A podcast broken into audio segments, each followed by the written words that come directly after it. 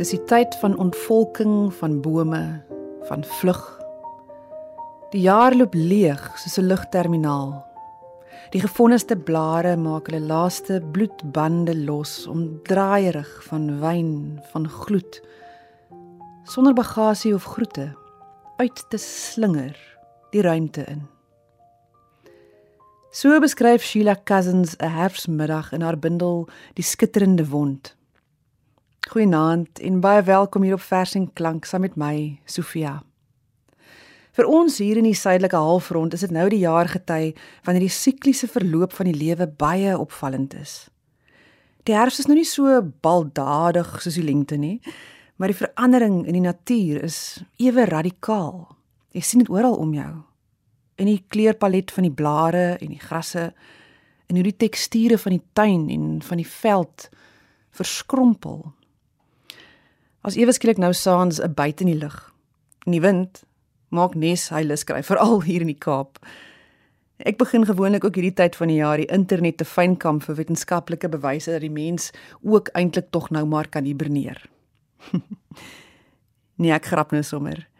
Hierdie sagte seisoen wil ek nooit misloop nie. Ek wil dit bekyk en beleef. sien hoe die skepping tot rus te kom.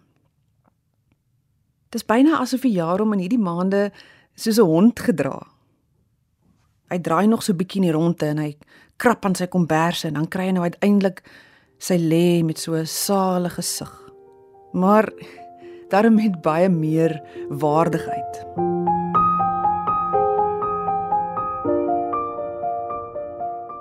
As voorleser vir vanaand se gedigte oor die herfs, kon ek nie vir 'n meer waardige stem gevra het as die van 'n man wat ons al vir dekades op die verhoog en in films op die televisie en dan ook hier op radio met sy spel bekoor nie.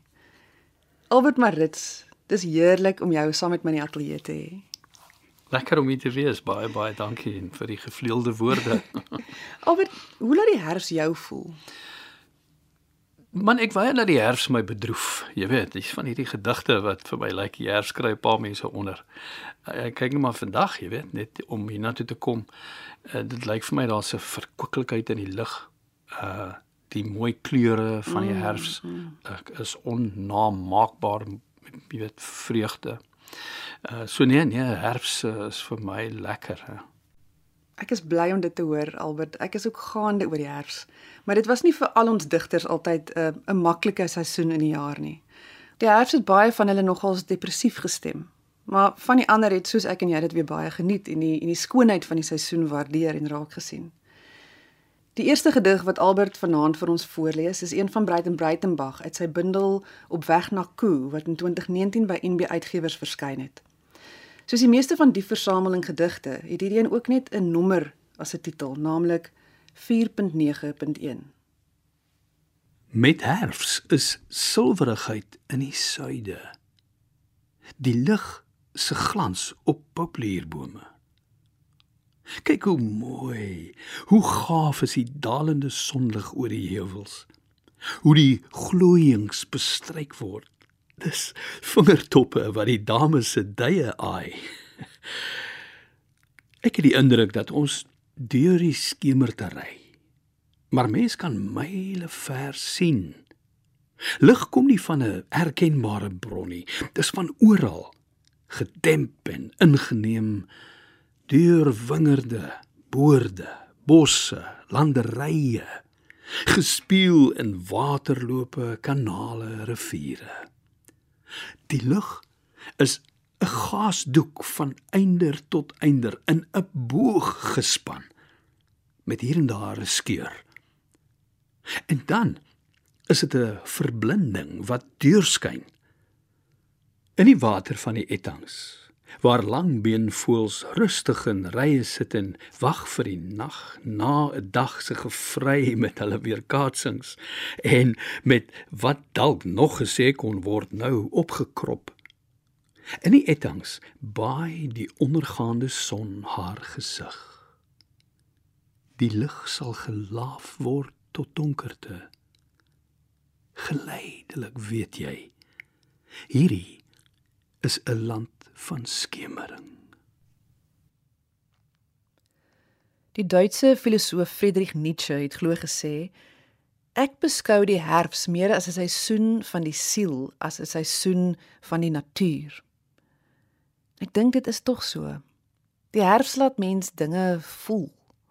Vir sommige is dit nogal 'n neerdrukkende tyd van die jaar. Die dae raak korter, dis kouer en oral om jou sien jy die verlies, die stroping van dinge wat net nou die dag nog pragtig groen en lewendig was. So vir sommige mense is die herfs moeilik. Hulle ervaar dit as 'n teesinnige afskeid neem van dinge. Maar dit kan ook gesien word as 'n 'n suiwering. Net soos wat die bome hulle blare verloor, is die herfs vir die binnelandskap ook 'n tyd om te laat gaan.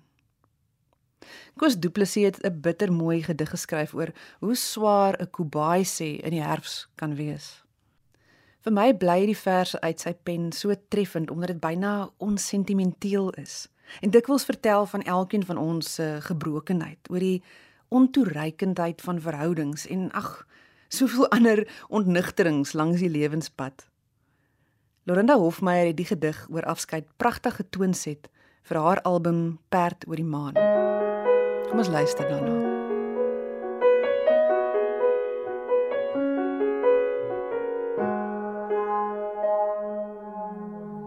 Die eerglas het reeds leeg geloop. Die populierboom is gestroop van elke goue blaar. En ons, ons staan met teeter trot, die raskuins weg op die grond. Soos vreemdes van mekaar.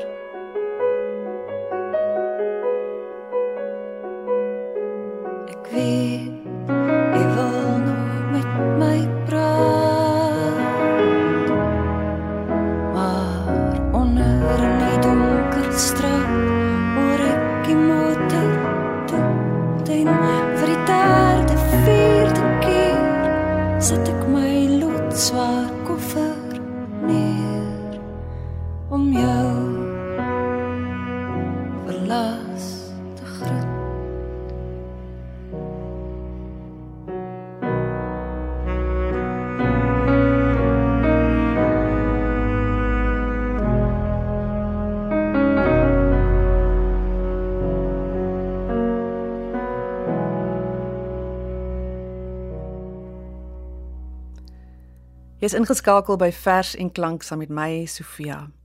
Ons luister vanaand na gedigte oor die herfs, soos voorgeles deur Albert Maritz. Die Amerikaanse digter May Sarton het eenmaal geskryf: I think of the trees and how simply they let go, let fall the riches of a season, how without grief it seems they can let go and go deep into their roots for renewal and sleep. Imitate the trees. Learn to lose in order to recover. And remember that nothing stays the same for long, not even pain. Haar woorde herinner my aan 'n baie bekende sonnet van NP van Wyk Lou getiteld Vroegherfs wat hy in 1937 as deel van 'n siklus vier gebede by jaargetye in die Boland geskryf het. Hy verwys daarin na die voortdurende proses van verandering en hoe noodsaaklik dit is ook vir die mens. Hoe daar 'n tyd kom om alles wat pronk en sieraad was van jou af te skud, om afstand te doen van jou eie aansien. Want slegs dan kan 'n mens waarlik weer by jou eie bron van lewe en inspirasie, jou wortels uitkom. Altans dit is die innerlike groei waarvoor die digter in die laaste versreëls van die gedig vra. Die gedig verskyn in 1937 by Nasionale Pers Boekhandel in die bundel Die Halwe Kring. Dit is in 1940 met die Hertzogprys bekroon. Vroegherfs. Die jaar word ryp in goue akkerblare, in wingerd wat verbruin en witter lug wat daglank van die nuwe wind en klare son deurspoel word. Elke blom word vrug, tot selfs die traagstes. En die eerste blare val so stil weg in die rookvaal bos en laan dat die takke van die lang populiere alteen elke ligte môre witter staan. O Heer, Laat hierdie dae heilig word. Laat alles val wat pronk en sieraad was of enkel jeug en ver was van die pyn. Laat ryp word, Heer. Laat u wind waai. Laat stort my waan tot al die hoogheid eintlik vas en nakend uit my teerder jeug verskyn.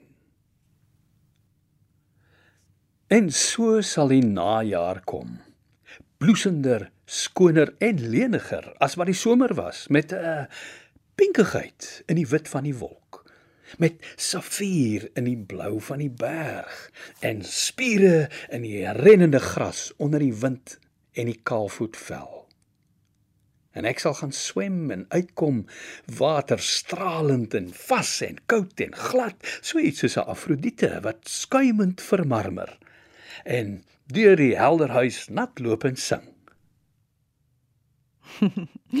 deur die helder huis nat loop en sing die Sheila Cousins wat so jolly raak in die herfs in haar gedig en so sal die najaar kom uit die 1978 bundel verf en vlam deur Tafelberg uitgewers Vir Lina Spies is die herfs ook eerder 'n seisoen van opgeruimdheid en die belofte van hernuide lewenskrag.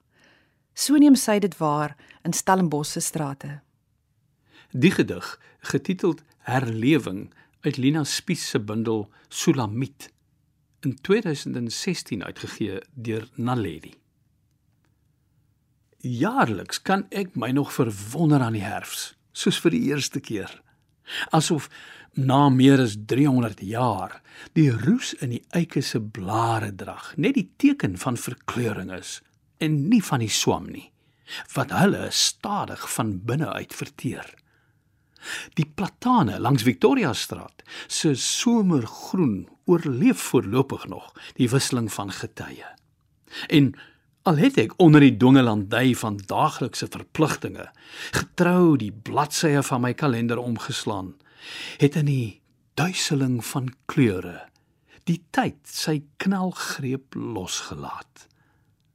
Afgeknot deur wie my ontval het weens dood vervreemding migrasie beskik ek met eens weer oor elke sintuig want my dorp het stand gehou vir my om in te hiberneer tot nou met die herfse koms ek weer in my grein die lewe kan voel vlam. Nou so van Stellenbos gepraat. Daar word baie verse geskryf oor die herfs in die Kaap en spesifiek in die Boland. Dis ook geen wonder nie, hierdie tyd van die jaar is die seisoensveranderinge so opsigtelik in die wingerde, in die boorde, in die eikebome wat al vir donkie jare met hulle blare en akkers al wat 'n slootjie en 'n geet is toestop. Ja, in die Boland is dit haas onmoontlik om die herfsmis te kyk. Terselfs te bespeer in die geregte wat die tyd van die jaar gekook word. In 1978 werk die Opperman aan 'n nuwe bundel gedigte wat later by Human en Rousseau as komas uit 'n bamboestok sou verskyn. Dit was sy eerste groot werkstuk na hy wonderbaarlik van lewerversaking genees het. En die bundel ontvang naas die CNA-prys in 1979 ook die daaropvolgende jaar die Louis Luit-prys, die W.A. Hofmeyer-prys en die Hertzog-prys vir poësie. In die bundel verskyn 'n reeks gedigte getiteld grondstowwe by die siklus van seisoene. Elk van die vier verse open met 'n verwysing na die pieke, daardie twee prominente spitse in die Jonkershoekberge suidoos van Stellenbosch. En afgesien van die wisseling in die kleur en die voorkoms van die berge soos wat 'n jaar verloop, besing Opperman ook met grondstowwe die lof van die tradisionele disse en die ander lekkernye waaraan die onderskeie seisoene gekenmerk kan word. Albert, Sal jy asseblief hierdie pragtige gedig vir ons voorlees? Grondstowwe by die siklus van seisoene. Herfs. Die pieke wissel in 'n kopergloed wat appels en die laaste druiwe voed. Die wingerde verroes tot rooi pontak terwyl uit eikebome koperblare sak. Die bye en jan groentjies steek suikerkanne en kersse van die populiere brand Ontspanne drink jy fonkelwyn en koer. Op die dak lê reeds die rye boerpampoene weggepak. Nou, met broccoli, blomkool en sampioene, spriet 'n dieper drif en soet uit suurlemoene. Jy smil aan borriepatats en gesmoor of gerook, voel jy in jou die eerste snoek wat loop. Nog 'n najaar in die vreemde met my drome sonder taal. En ek weet die winter kom weer met sy sneeu wat ewig val. Ek ken die Rheinland nagte die Alpe met sy sneeu die swart woud se geheime. En die liedjie van 'n meeu maar hier buite sterf die somer. En ek sien die blare val en iewers skyn die somerson op die velde van Transvaal. En erns dreun die branders aan die strande van Natal ek sit soms en ek luister of ek dalk in die wind die Vrystaat en die Boland se stemme terug kan vind. Ek ken die Spaanse nagte, die Alpe met sy sneeu, o Amsterdam se gragte en die liedjie van 'n meeu. Maar die buite sterf die somer en ek sien die blare val en iewers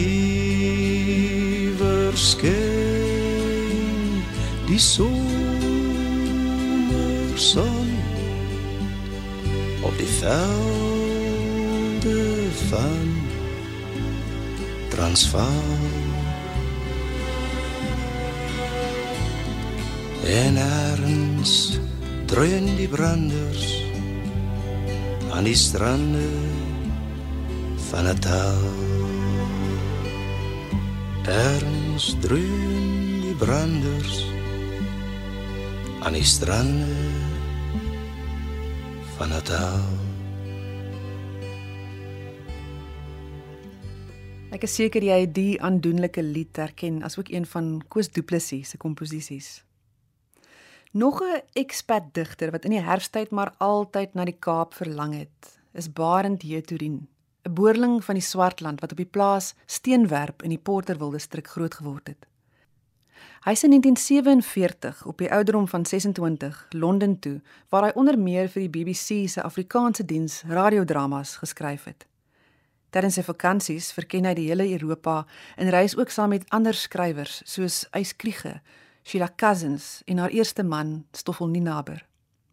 In 1949 verhuis hy na Amerika en word 'n bibliotekaris in diens van die Verenigde Volke organisasie.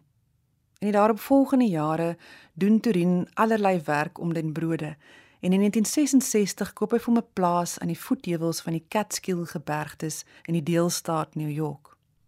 Die volgende 3 gedigte is daar geskryf en spreek van Turin se herfsheimwee na sy vaderland en daardie plaas by Porterville.